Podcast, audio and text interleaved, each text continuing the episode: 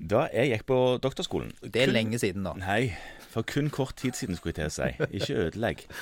Da lærte jeg at man kunne ringe inn til legen dersom man hadde klassiske symptomer på urinveisinfeksjon, og Ja. få antibiotika utskrevet uten at legen så deg eller undersøkte urinen din eller noen ting. Ja. Det er jo kjempegreit, for det er jo kjapp behandling, og alle er fornøyde. Pasienten, fordi hun, eller han, oftest hun, får rask hjelp, og legen fordi hun slipper å ta inn en selvsagt problemstilling inn imellom alt annet som er mindre selvsagt. Men skal alle ha antibiotika? Ja, altså Jeg tenker at eh, For det første er det hun. Det er vel bare hun som kan ha en ukomplisert cystitt. Ja, han har ofte en komplisert, fordi da har de gått så langt, vet du, Ja, de har jo vandret en, en varierende lang vei. Ja. Og, og det gjelder ved ukompliserte cystitter hos pasienter du vet er det, og som har klassiske symptomer. De kan få antibiotika på eh, telefon. Ja, eh, eh, jeg vil si at Der kan du stille diagnosen per telefon. Fordi at hvis de har klassiske symptomer i form av hyppig smertefull vannlating, relativt brått oppstart, illeluktende urin, fravær av andre symptomer, Sånne ting, ja. så er sannsynligheten for at dette er en akutt bakteriell urinveisinfeksjon så høy. Ingen andre tester egentlig vil bidra så veldig. Men er du liksom smart med meg nå og sier at du kan diagnostisere det på telefon, men du skal ikke behandle det? Ja, det for det du det er det neste spørsmålet. Hva skal man gjøre med cystitter? Ja. Og der er det litt sånn endring.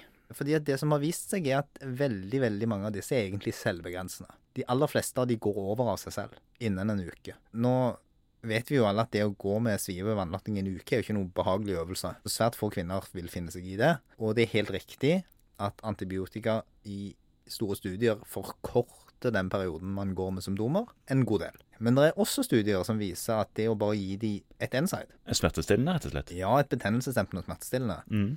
også reduserer symptomene. Omtrent like fort. Og hvis tilstanden da er selvbegrensende, dvs. Si at kroppen ordner opp selv og kvitter seg med denne infeksjonen, så kan man da potensielt spare fryktelig mye antibiotikabruk ved å ikke umiddelbart gripe til resepten og gi de standardbehandling. Det er jo sånn tredagerskurer med meselinam, eller korte kurer med trimetoprim eller furadantin, Ja. som funker strålende. Men nå leste jeg akkurat at det skrives i Norge ut ca. 400 000 resepter i året for urinveisinfeksjon. En halv, snaut en halv million. Og det er klart at noen av disse skal absolutt ha det. Eh, ganske mange av de skal kanskje det. Men det er jo slik at potensialet for å spare en del antibiotika fremstår jo som voldsomt. Ja, ikke sant? Særlig når det er etter hvert en del studier som viser at det å gi NSIDES i såkalte dobbeltblinde randomiserte forsøk har tilnærmet like god effekt. Mm.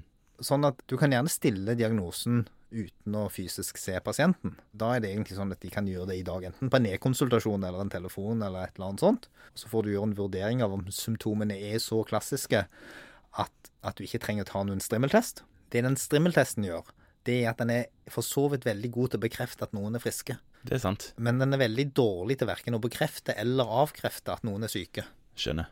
hvis de har veldig klassiske symptomer.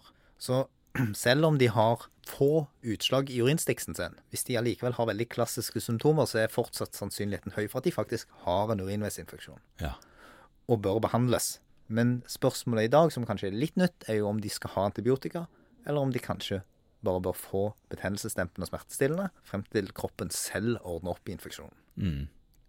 Risikoen man løper ved å utsette antibiotikabehandling, er jo at eh, det utvikler seg og blir en øvre urinveisinfeksjon istedenfor, eller kanskje til og med hos eldre at det går så langt at det blir alvorligere enn det. Men dette er jo sånne ting som man må tenke på når man vurderer om de skal ha behandling eller ei. Ja, og Det vi snakker om nå, gjelder de ukompliserte cystittene. og Det Ja. vil jo si at kvinnene er i hovedsak i fertil alder, og at de ikke er gravide. Og at de, de i all hovedsak er kvinner. Og for alle andre som har kompliserte cystitter, så er bildet litt annerledes. Ja. Da øker risikoen betydelig for at det endrer seg til lempiolonefritt. Og det er jo også viktig å informere kvinner som ikke blir dekt med antibiotika, om at dersom de skulle utvikle feber eller allmennsymptomer, eller symptomene generelt skulle forverre seg, så må de ta kontakt. Ikke sant? Og det er jo faktisk en del kvinner som ofte kommer og sier at de har prøvd å drikke masse og tranbær og helt i seg veldig mye forskjellig som de tenker at skal hjelpe kroppen med å bli kvitt infeksjonen.